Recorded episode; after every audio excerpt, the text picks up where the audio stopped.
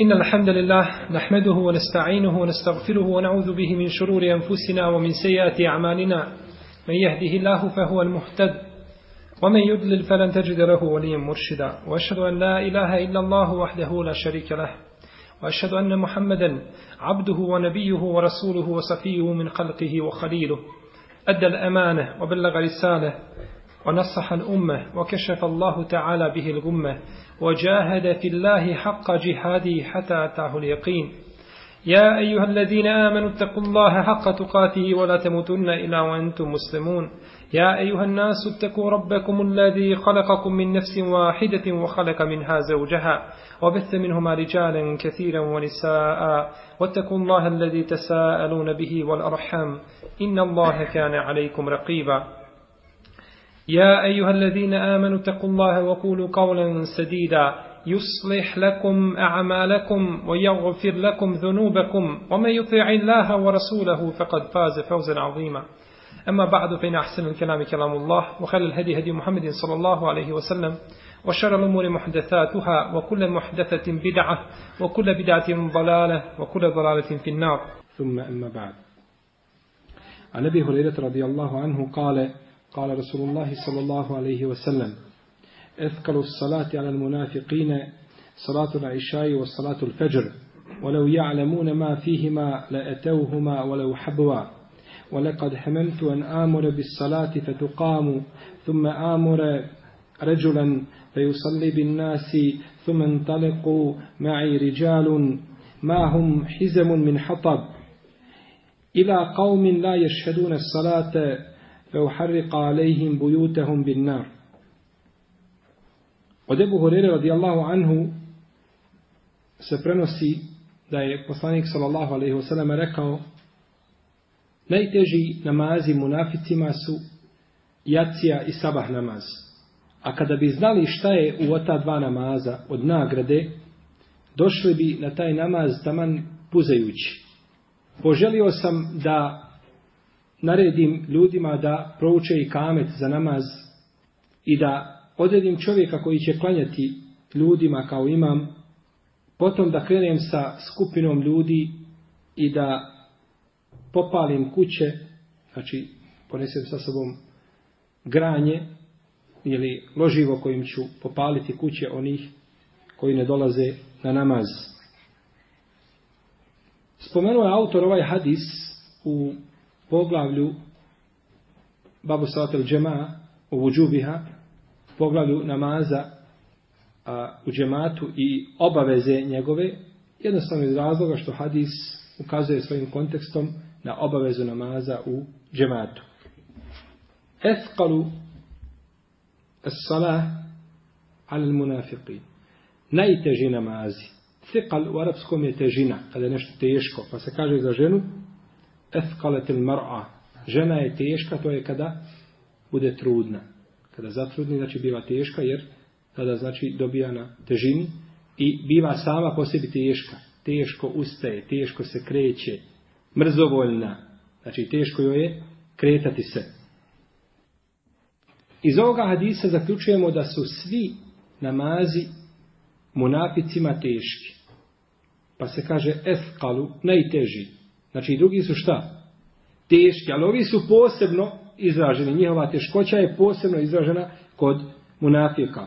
Uzvišen je Allah tabarake u ta'ala kaže وَلَا يَتُونَ السَّلَاتَ إِلَّا وَهُمْ كُسَالَ I ne dolaze na namaz osim mrzovoljno. Teško. I kaže uzvišen je Allah zađel وَإِذَا قَامُوا إِلَى السَّلَاتِ قَامُوا كُسَالَ A kada ustaju na namaz, ustaju teško. Lijeno. Lijeno kestele u arapskom ljenost. Ustaju lijeno na namaz. Ova dva namaza su najteža munaficima iz razloga što postoje razlozi nekakvi da im budu ovi namazi teški.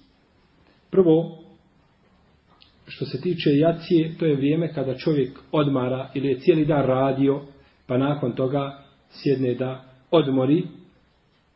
A što se tiče sabaha, to je vrijeme kada čovjek slatko spava, bilo ljeti ili zim, pa mu je znači teško ustati. Pa imaju znači razlozi zbog kojih ti ljudi teško dolaze na ote namaze, a, a, na ova dva, jeli na ova dva namaza.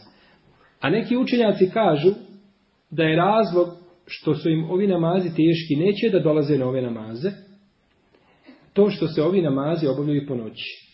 Nekada davno nije bilo svjetla, rasvete, ulične, prostorne ovako. Nego znači, ljudi dođu i klanjaju i vraćaju se, niko nikoga ne zna. Ne zna može niko koji je do njega bio u safu. Ne poznaješ čovjeka koji je do tebe u safu. I to se zaključuje iz određenih hadisa, da sahabi, da bi predavali selam i da ne bi znali ko je do njega u džaniji. Nema svjetla, nema rasvjeta. Pa oni ne dolaze zato što ih niko ne vidi da nisu šta? Bili.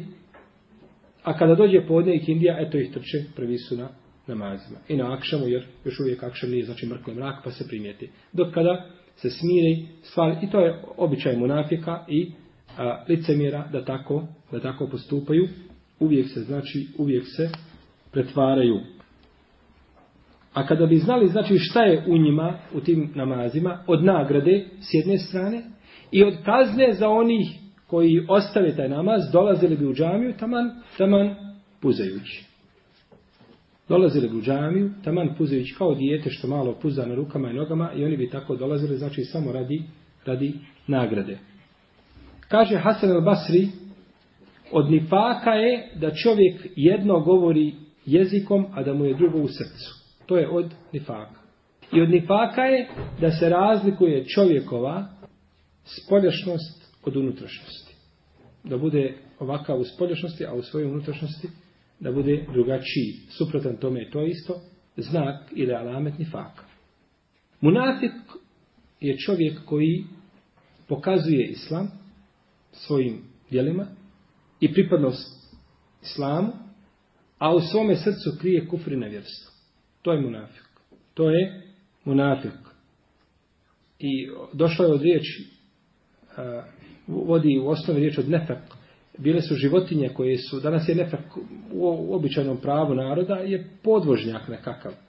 Ali bila je životinja koja je imala dvije rupe. Kada je priđeš s jedne, ona pobjegne iz iz druge. Ili je unutra, ti ne znaš s koje će se pojaviti. Tako je munafik. Ne znaš odakle će izići. Samo ćeš ga jednom vidjeti sa munaficima, stoji i njih brani, a vam ga jedan put vidiš, došlo sa muslimanima i kaže, mi smo sa vam. A u stvari nisu, oni se samo ismijavaju kako je uzvišenje Allah te bar spomenuo u Kur'anu, ka inema nahnu mustehziun. Mi se samo ismijavamo sa ovim jeli, vjernicima. Mu zebzebine bejne zalike la ilaha ula, wa la ilaha ula. Neodlučni, niti ovamo, niti ovamo. Ne znaju ni sami šta će i kuda će. Zato im je uzvišen Allah te barek tela obećao najtežu nagradu, da će, odnosno kaznu, ja, da će biti, a u najdubljim dubinama džehennema sa šeitom. Zbog svoga značini faka.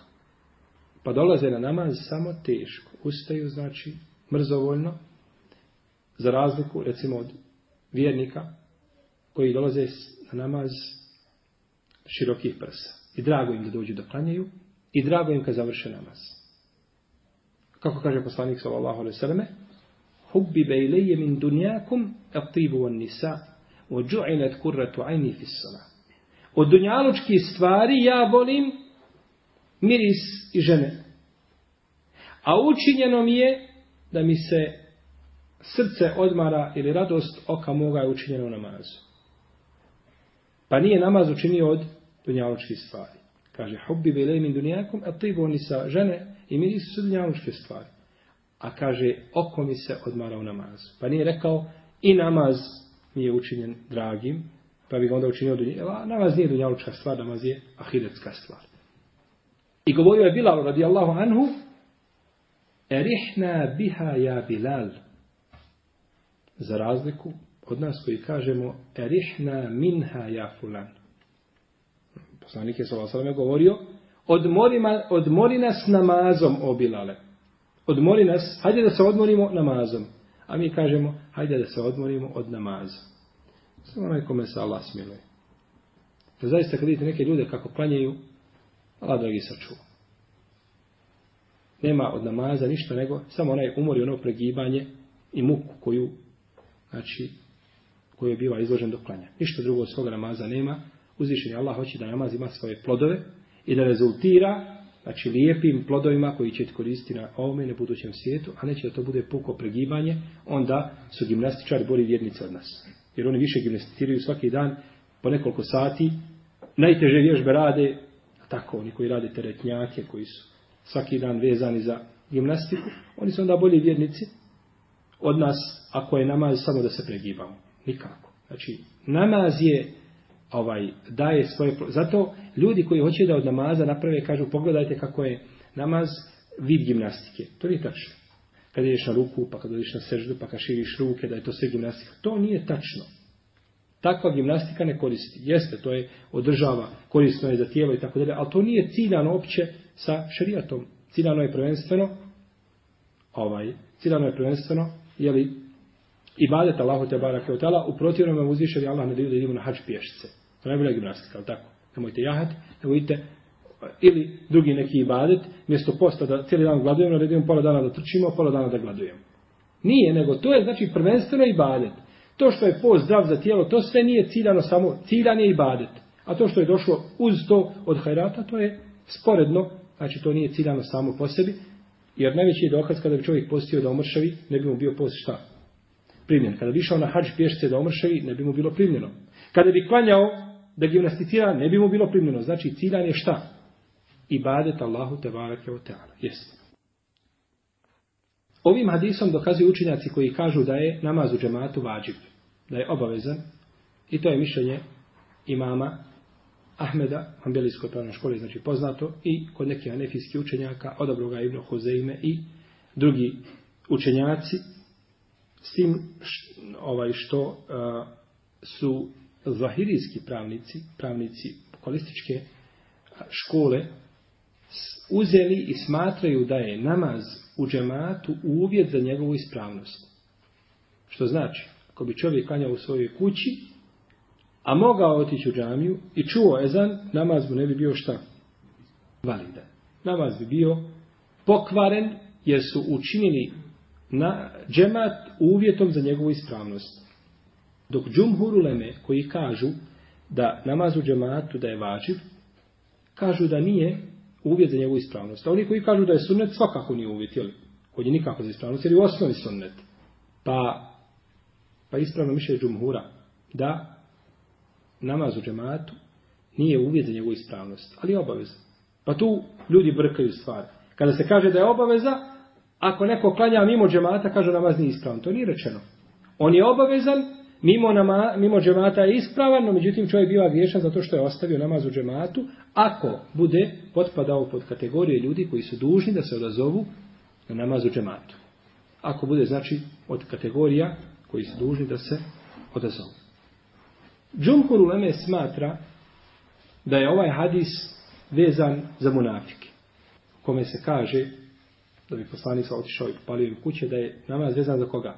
Za munafike koji ne dolaze da klanjaju, da klanjaju namaz. I to, na to ukazuje šta kontekst hadisa, ali tako? Hadisa kaže da su najteži namazi munaficima.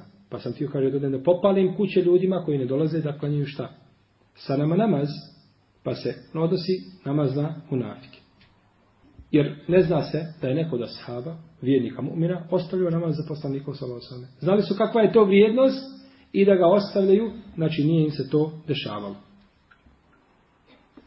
Poželio sam da ili poželio sam da neko prouči kamet ovdje poželjeti ne znači isto što je uraditi. Čovjek može nešto poželjeti, ali iz određenog razloga neće uraditi, pa se neće tretirati šta? Kao onaj koji je to učinio. Pa nije ista stvar poželjeti i uraditi. Jer čovjek može ponekad poželjeti šta? Da prevari nekoga. Vidi da može kroz tu prevaru stvariti veliku šta? Materijalnu korist. Primjer radi. No međutim, spriječi ga njegova takva i bogobojasnost. Nije isti kao onaj koji je uradio. Jer priroda je kod čovjeka da poželi da ga šeitan navede da poželi da uradi nešto što je šta. Zabranjeno. Zar nije poslanik sallallahu sallam rekao da je džennet, oprostite, džehennem, da je okružen sa šahevatima, stvarima koje ljudska duša voli i kojima teži. Dok je džennet, o, e, džehennem okružen sa stvarima, oprostite, džennet je okružen sa stvarima, znači koje ljudska duša prezire. Znači džennet je spriječen stvarima i dolazak k njemu stvarima koje znači ljudska duša prezire i teško ih čini, a ovaj dok je džehennem znači lako a, a, doći do njega jer je okružen znači stvarima koje pozivaju čovjeka i koje su njemu, koje su njemu drage. Zato kad je uzvišen Allah te bare fela stvorio džennet i rekao Džibrilu, idi kaže pa vidi džennet. Kada je vidio kaže Allah dragi svako će ući u džennet ko čuje za njega. Idi kaže sada vidi čime sam ga okružio i šta je prepreka, brana prije dženneta, kada je vidio, kaže Allahu dragi, ovo niko neće ući. Kada je vidio kakve su znači prepreke, a za džehennem kada je vidio, kaže niko neće ući. Kada je vidio šta to vodi u džehennem, kaže svi će doći u džehennem. Pa je to znači borba, jer su znači, stvari do džehennema, a one koje su drage duši. Koje su drage duši. Ovdje se u nama razilazi, kada je spomenuto es salah, Ima elif i lam, to je određeni član u arapskom jeziku koji znači tačno označava šta? Određeni namaz. Kada kažemo dža eređul, pogledaš kroz prozor i kažeš dža eređul, došao je čovjek, neki čovjek stran i nikoga ne zna. Nismo ga očekivali, nemamo pojma o njemu. No, međutim, pogledaš kroz prozor i kažeš dža eređul, eređul, el ređul. Pa si stavio el prije riječi ređul čovjek. Pa si ga tačno precizi, došao je, aha, kaže, evo, došao je onaj čovjek. Koji čovjek? Znamo li? Znamo, ili smo pričali o njemu, ili se juče navio, navio telefonski da će doći, ili dolazi svako jutro i tako dalje, ali znamo tačno o kome se čovjeku šta radi, kada dođe određeni, zato je određeni član, zato je određeni član. Kada vidiš dijete koje ne poznaješ, kažeš, rej tu gulamen, vidio sam dijete, A kada vidiš djete koje znaš, kažeš rejtul gulam. I kad kažeš nekom rejtul el gulam, odmah zna da ti to djete poznaješ, imaš nekakav kontakt sa njim, ili ti je rodbina, ili ti je, nije bitno, komšija, ili ti je pozna, nešto je, znači, vezan si za njim i svakoga poznaje. E ovdje kada je došlo, es sala, odnosi se to samo na određeni namaz, ili se misli sa tim el da to obuhvata sve namaze. Jer mi kad kažemo, salajtu salaten, klanjao sam namaz, bilo koji namaz, nije određen. Ali kad kažeš salajtu, a, ili salajtu salavat, klanjao sam namaze, određeni broj namaza. Ne moraš znaš sve, ne obuhvata sve, ali kažeš, kada kažeš salajtu, es salavat, klanjao sam sve namaze. Znači, obuhvata sve namaze. E da li ovdje kad se kaže namaz, da li je ovo za vrstu namaza općenito ili je za određeni namaz pona osob. Jer tu se razlikuje propis. Tu se razlikuje propis. Neka olema kaže ovo je vezano za jaciju, neka olema kaže za sabah, neki kažu za sabah i jaciju, a neki kažu za džumu. Pa oni koji skazali da je namaz u džematu sunnet, oni kažu da se ovaj hadis odnosi na što? Na, na džumu. Kažu, nije to za propisane namaze. Nego je to za džumu. Iako kontekst hadisa ukazuje da se to radi o čemu? O sabahu jaci, da se radi o propisanim namazima, da se ne radi o džumi. Džuma, što se tiče džume, džemat je uvjet za njenu ispravnost. E ovo je sad razlika između džume i drugih namaza. Čovjek koji klanja, znači džumu, mora je klanjati u džematu. I to je uvijek za jednu ispravnost.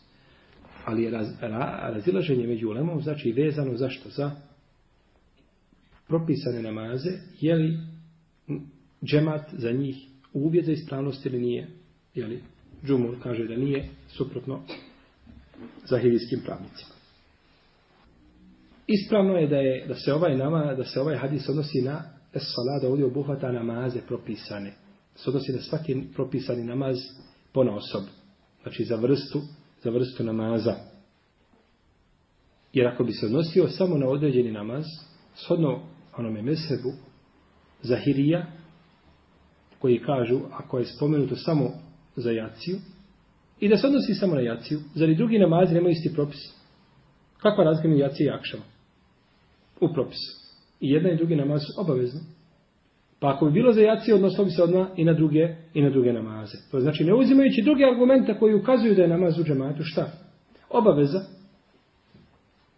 No, međutim, kod njim je bilo To znači gledano samo za taj namaz striktno. Jer učenjaci bukvalističke pravne škole drže se znači spoljašnjeg značenja hadisa i ne izlaze nikako iz tog značenja, što je svakako u mnogo slučajeva pogrešno.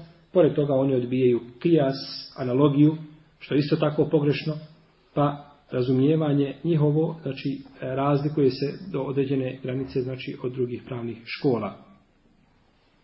U ome hadisu je dokaz da vladar ili čovjek koji je odgovoran za ljude treba da pogleda u njihova stanja. Jesu li, da li se odazivaju, jesu pokorni Allahu Đelešanu, pa ako ima kanjavost, treba to gleda da se popravi, znači mora, mora biti reakcija. I ome hadise je dokaz, kako kaže neka ulema, da je dozvoljeno da se kazni čovjek sa imetkom. Jer paljenje kuća je uzimanje šta? Imetka njegovog, jer kuća je imetak. Pa kaže dozvoljeno čovjeka kazniti i metkom. Jer veliki se spor vodi među ulemom, da li je dozvoljeno kazniti muslimana i metkom. Džumhur uleme kažu da nije. Dok kaže šehol samim te imi navodi oko 15 argumenta da je dozvoljeno kazniti čovjeka sa i metkom. I to je stvarno mišljenje. Da je dozvoljeno kazniti muslimana i metkom, na primjer našo danas saobraćaj i druge kazne prekršaje koje pravi čovjek, da ga dozvoljeno kazniti metkom, ali da to bude nekakva kazna koja je u granicama nekakve normale. To nije znači čovjek da mora prodati sav svoj imetak i sve što ima i da se onda napravi od njega socijalni slučaj, da mora ići krasti i o tome, nego znači da bude ta kazna u granicama nekakve normale, a svako podneblje znači ima svoje kriterije po kojima će biti vrednovano, može se kazniti i to je ako Bog da ispravno mišljenje, jače mišljenje da je dozvoljeno kazniti čovjeka njegovim, njegovim imetkom. No međutim, ulema je složna da nije dozvoljeno paliti imetak. Jer to nije šta? To nije čisto kažnjavanje metkom. Ako država kazni čovjeka i metkom, ta država uzima šta? Sredstva. I ona ih koristi opet za koristi, opće koristi ljudi, kada bi bila jeli, država onako kako treba da bude. Međutim, ako je država na raspolaganju onih koji sjede u udobnim stolicama da uzimaju grabe koliko mogu, to je druga stvar.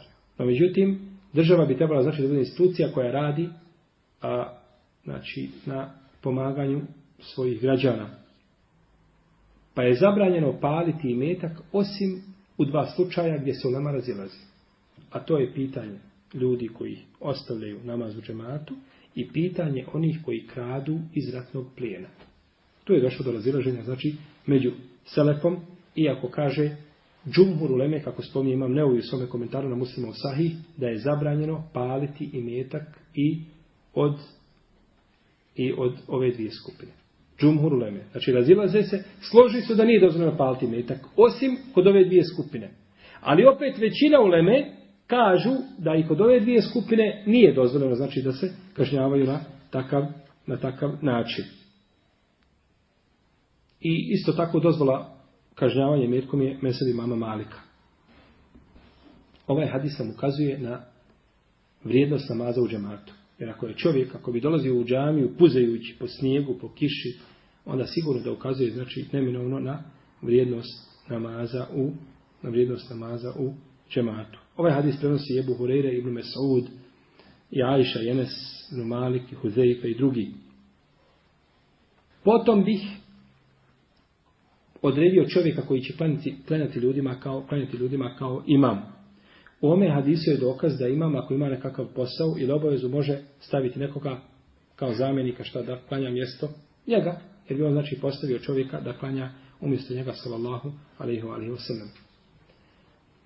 Da je poslanik, sallallahu alaihi wa sallam, kojim slučajem odlučio da obavi ono što je htio, iako to nije uradio, nije poslanik, sallallahu alaihi wa sallam, pali kuća. Kada bi to otišao obaviti? Kada je poslanik, sallallahu alaihi wa sallam, znao da ovi ljudi ne dolaze? Prije namaza ili posle namaza? Posle namaza. Posle i kameta da kažemo, vidi da ih nema. Ili posle završenog namaza, znači da ih nema, pa bi tada bili, znači, tada bi bili kažnjeni. I neka olema uzima iz ovoga hadisa dokaz da je dozvoljeno otići iz džamije ako čovjek ima uzor pred ikamet. Jer je poslanik sa nekoga ostavio da klanja, a on bi šta otišao da popali njihove kuće. I ome hadisu isto tako dokaz da treba ponekad prijetiti prije izvršenja kazne. Ovdje je poslanik znao prijeti njima da bi uradio tako i tako, ne bilo ništa. Jer ako se može spriječiti zlo manjom nekakvom kaznom ili prijetnjom, onda je to preče nego da se izvrši šta samo ona, ona veća kazna. Ako možeš dijete spriječiti od činjenja dijela određenog ili popraviti ga, odgojiti ga ukorom, taman bila gruba riječ, to je preče nego da ga udaraš. Pa pogledajte kako uzvišen je Allah te barakatala rekao kad se odgaja žena. Znači, za ženu. Fe'iduhun. Wahđuruhun fil mabađe. Prvo ih savjetujte. To je prvi stepen. Blago savjetujte. Neće, odvoj se u posteli. Je to grublje? I te kako?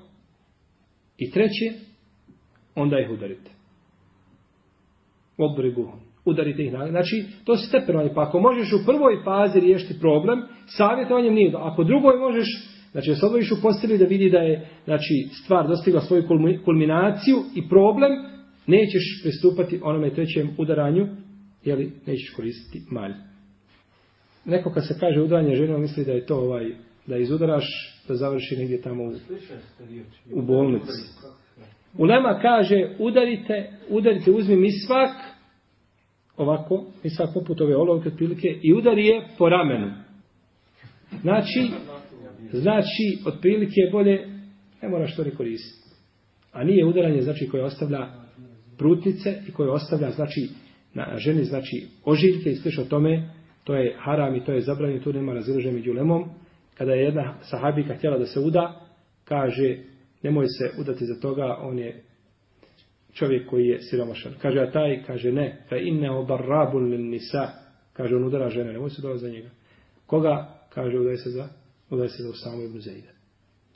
Pa je znači udaranje žena haram i zabranjeno i tu nema razilaženja među ulemom. Znači, na način kako, klasični kako se to čini. Ovdje kaže poslanik sa osaneme Fahriqa alejhim da na njih popali njihove kuće. I sad Isa zaključuje da bi šta? I njih popalio sa njihovim kućama. Da bi njih popalio. Jer da je htio samo reći kuće, onda bi rekao onda bi rekao fahrika bujuteum, pa bi popalio njihove kuće. Ali alejhim na njih da popali, znači da ih popali, da se te kuće, znači, sruče na njih. A, jer su oni u stvari izvor te nedaće zbog koje, koje se pale kuće. I kažu, i ovo je još jedan dokaz da je, da se radi o kome ovo, munaficima. Jer vjernike nije dozvoljeno šta. Ubije zbog toga i palti jeli, na ovaj način, jeli, po konsensu islamskih učenjaka, zato što su ostavili šta? Džemat. Nije ga dozvoljeno ubi zato što ostavio džemat po konsensu islamskih učenjaka. No međutim, ako bismo ovo uzeli ovako, tumačenju, onda moramo ovaj hadis pomiriti sa drugim hadisima koji govore o čemu? O zabrani paljenja ili kažnjavanja sa vatrom. Jer došli hadisi da vatrom ne kažnjava osim gospodar vatrete barake o teana. Jer poslanik sa osam ne bi uradio osim ono što je šta. Ne bi poželio da uradi osim ono što je dozvoljeno uraditi. Neki učenjaci kažu da je ovaj hadis o kome govorimo dokinut hadisima koji govore o zabrani šta? kažnjavanje vatru, dokinut. No, međutim, ne možemo pristupati a traženju dokinuti i dokidajućih argumenata, osim ako znamo vrijeme kada je kazan jedan argument, kada je kazan drugi. Ako znamo da je jedan argument kazan prve hiđarske godine, ili osme hiđarske godine, a drugi desete, onda je onaj deseti je dokinuo šta? Onaj koji je osme, ako se radi o dokidanju. Znači, ako se radi o dokidanju. Ovdje ne znamo vrijeme kada su koji kazani ili da sam hadis nam ukazuje, to je drugi dokaz, kako znamo da je nešto dokinuto. Prvo, da znamo vremenski kada je kazan jedan, kada je drugi. Drugo, da u samom hadisu imamo nešto što nam naznače, ukazuje da je jedan hadis dokinuo drugi ili jedan dio hadisa da je dokinuo drugi. Kako kaže poslanik sallallahu alaihi wasallam, bio sam vam zabranio posjećivanje kaburova, posjećujte ih, oni vas podsjećaju na ahiretu. Jer ovo je dokinuto? Jeste. Jedan dio hadisa ukazuje da je dokinuo šta? Drugi dio hadisa. To je drugi način da znamo da je nešto dokinuto. Treći način je da kaže ashab. U prvo vrijeme islama je bilo tako i tako, pa je onda došlo šta? Tako i tako. I četvrti je konsensus učenjaka.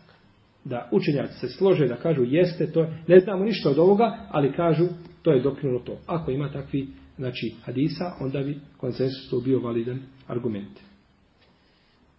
U ome hadisu je dokaz, kako kaže Kadija i Ab, da je dozvoljeno boriti se protiv čovjeka koji, muslimana, koji namjerno ostavi, koji namjerno ostavi e, namaz u džematu, te haunen, znači nije porica u tobazu, nego iz nemara nekakvog svoga ostavi namaz šta u džematu. No, međutim, ovo mišljenje možda mu se može prigovoriti, jer je došlo u hadisu kod Ebu Hureyre. Sad dobro pazite, imat ćete jedno pitanje. Došlo u hadisu kod Ebu Hureyre da je rekao poslanik sallallahu alaihi wa sallame, Poželio sam, jel ti narediti da se iskupi, znači, granje i da odem popaliti kuće ljudi koji bez razloga ne dolaze u džamiju da klanjaju, ostaju klanjati u svojim kućama, a ne dolaze u džamije da klanjaju. A nemaju nikakvog razloga. Ovaj rivajet ovdje nam muti ono prethodno što smo kazali. Da se radi o munaficima. Kako to ovaj rivajet ukazuje da se ne radi o munafici? Zato što klanjuju svojim kućama. Tako je. Da. Zato što klanjuju svojim kućama. Kaže, ljudi klanjuju svojim kućama, ne dolaze u džamiju. Munafici klanjuju u kućama. Ne klanjaju. Nijedno dovuče se u džamiju i kad dođe, dođe tlijeno, ne da mu se. Još kod kuće da ustaje sam kada niko ne vidi. Oni onako ne vjeruju Allaha te barak da će ga vidjeti. Ali ovi kaže, ljudi klanjuju šta u svojim kućama. Pa ovaj rivajet, malo nam znači brka ono što smo prethodno spominjali i što smo, što smo govorili. Pa kaže ovdje poslanik sa vasrame dolaze, znači ne dolaze u džamiju, a nemaju znači opravdanja. Što je dokaz da čovjek koji ima opravdanje, šarijetsko da ne mora znači doći, doći u džamiju. A munafici kada dolaze u džamiju, on dolaze samo znači da ih ljudi vide, a u stvari oni se samo ismijavaju sa vjernicima. U ome hadisu je dokaz isto tako da je dozvoljeno ljude koji su nepokornici da se a, isteraju iz kuća svojih, a, ne da, da se uzmu njima kuće, nego znači da se prisile na taj ibadet koga su dužni da obavljaju. Imam Buhari u svome sahiju naslovio poglavlje, kaže, babu je hrađe ehl maasi, ol kusumi min al bujuti bad al marife. Kaže, poglavlje, isterivanje nepokornika iz njihovih kuća, a, nakon što se sazna da su oni, da su oni nepokornici. Jedan od komentatora Malikove muvete, ima komentar koji zove Al-Kabes, a kaže da je u ome hadisu dokaz da je dozvoljeno uništiti mjesto na kome se čini nepokornost Allahu te barake od Znači, u kući se čima nepokornost, je li tako? Čovjek ostaje i da dozvoljeno spaliti tu kuću. I to dokazuje isto tako predajom kome se navodi, koje se navodi da je Omer spalio mjesto gdje se je prodavao alkohol. Gdje se je pravio alkohol i prodavao, kaže da je to Omer spalio. Ovo je mišljenje mama Malika. Dok kažu Šafija i Ahmed, to se neće paliti. Tako se mjesto neće paliti. Dokazuju to njih dvojica, Malik i Šafija, općim hadisima koji ukazuju na zabranu štenja i metka. Općim, znači, hadisima koji govore o zabrani uništenja i metka, i kažu da je masijet i nepokornost vezani za koga? Za čovjeka ili za objekat? Je to kuća nepokorna Allah ili čovjek? Čovjek je nepokoran Allah. Čovjek je nepokoran Allah. A ima Malik to dokazuje ovim hadisom koji je, koji je spomenut. Došlo je u Musa do imama Ahmeda da je poslanik sa osrme rekao da u kućama nema žena i djece. Naredio bi kaže da se prouči ezan za jaciju i kamet pa bi naredio da se popale njihove kuće. Ovo je znači iz milosti poslanika sa osnovne prema ljudima, znači prema djeci, prema ženama. I takav je bio Rasulullah sa osnovne, kako je došlo u Buharino, u Ebu Davudom sunenu, sa vjerodostojnim lancem prenosilaca od Ibnu Mesovu, da kaže, izišli smo jedne prilike sa poslanikom sallallahu alaihi sallam na put, pa smo vidje, ptica jedna bila i bilo sa njom ptičići, jeli, dvoje, Pa je uzeli su ashabi jedno to ptiće malo, pa je došla ta ptica i maše svojim krilima pred poslanikom sallallahu alaihi wasallam kaže ko je uzeo kaže njeno ptiće vratite joj kaže njeno ptiće pa je znači bio milostiv prema kada je vidio ashabe da su spalili mravinjak kaže ko je ovo spalio kaže nije Allahov poslanik kaže ne smije kaže javati vatrom nikog sem gospodar vatre pa nije znači dozvolio da se muče ni životinje, a kamoli, kamoli ljudi, no međutim, htio je da ukaže ljudima, znači, na ozbiljnost a, grijeha koga čine ostavljajući, ostavljajući namaz u džematu, jer sigurno namaz u džematu ima svoje ciljeve, ovaj, i nije, znači, propisan namaz u džematu, samo da ljudi dolaze i da se muče i da izlaze u džamiju, nego ima, znači, dubli efekat koji sigurno utiče na građenje muslimanskog društva, i ne bi ashabi ostvarili ono što su ostvarili osim a što su se sastajali u džami i dogovarali i rješavali probleme muslimana i da su njihove ideje o stvaranju i kreiranju muslimanskog društva i o napretku općem izlazile iz džamije. A nije ista ideja koja iziđe iz džamije, ideja koja iziđe negdje iz kafane, iz birtije, koja iziđe iz mjesta gdje se Allah srdite barake od tala i koja iziđe iz džamije. Ne može nikako biti ista. Jer Allah pomaže one koji sjede u džamijama, koji se dogovaraju, koji čekaju od namaza do namaza, a srdi se na one koji ovaj su mu nepokorni. Onima Allah te barake od ta'ala da nas učvrsti u obavljanju namaza u džematu i da primi naše namaze i da popravi naše stanja i stanja muslimana u cijelom svijetu. Allahu te ala alem. Wa sallallahu ala nebina Muhammed. Wa ala alihi wa sallam.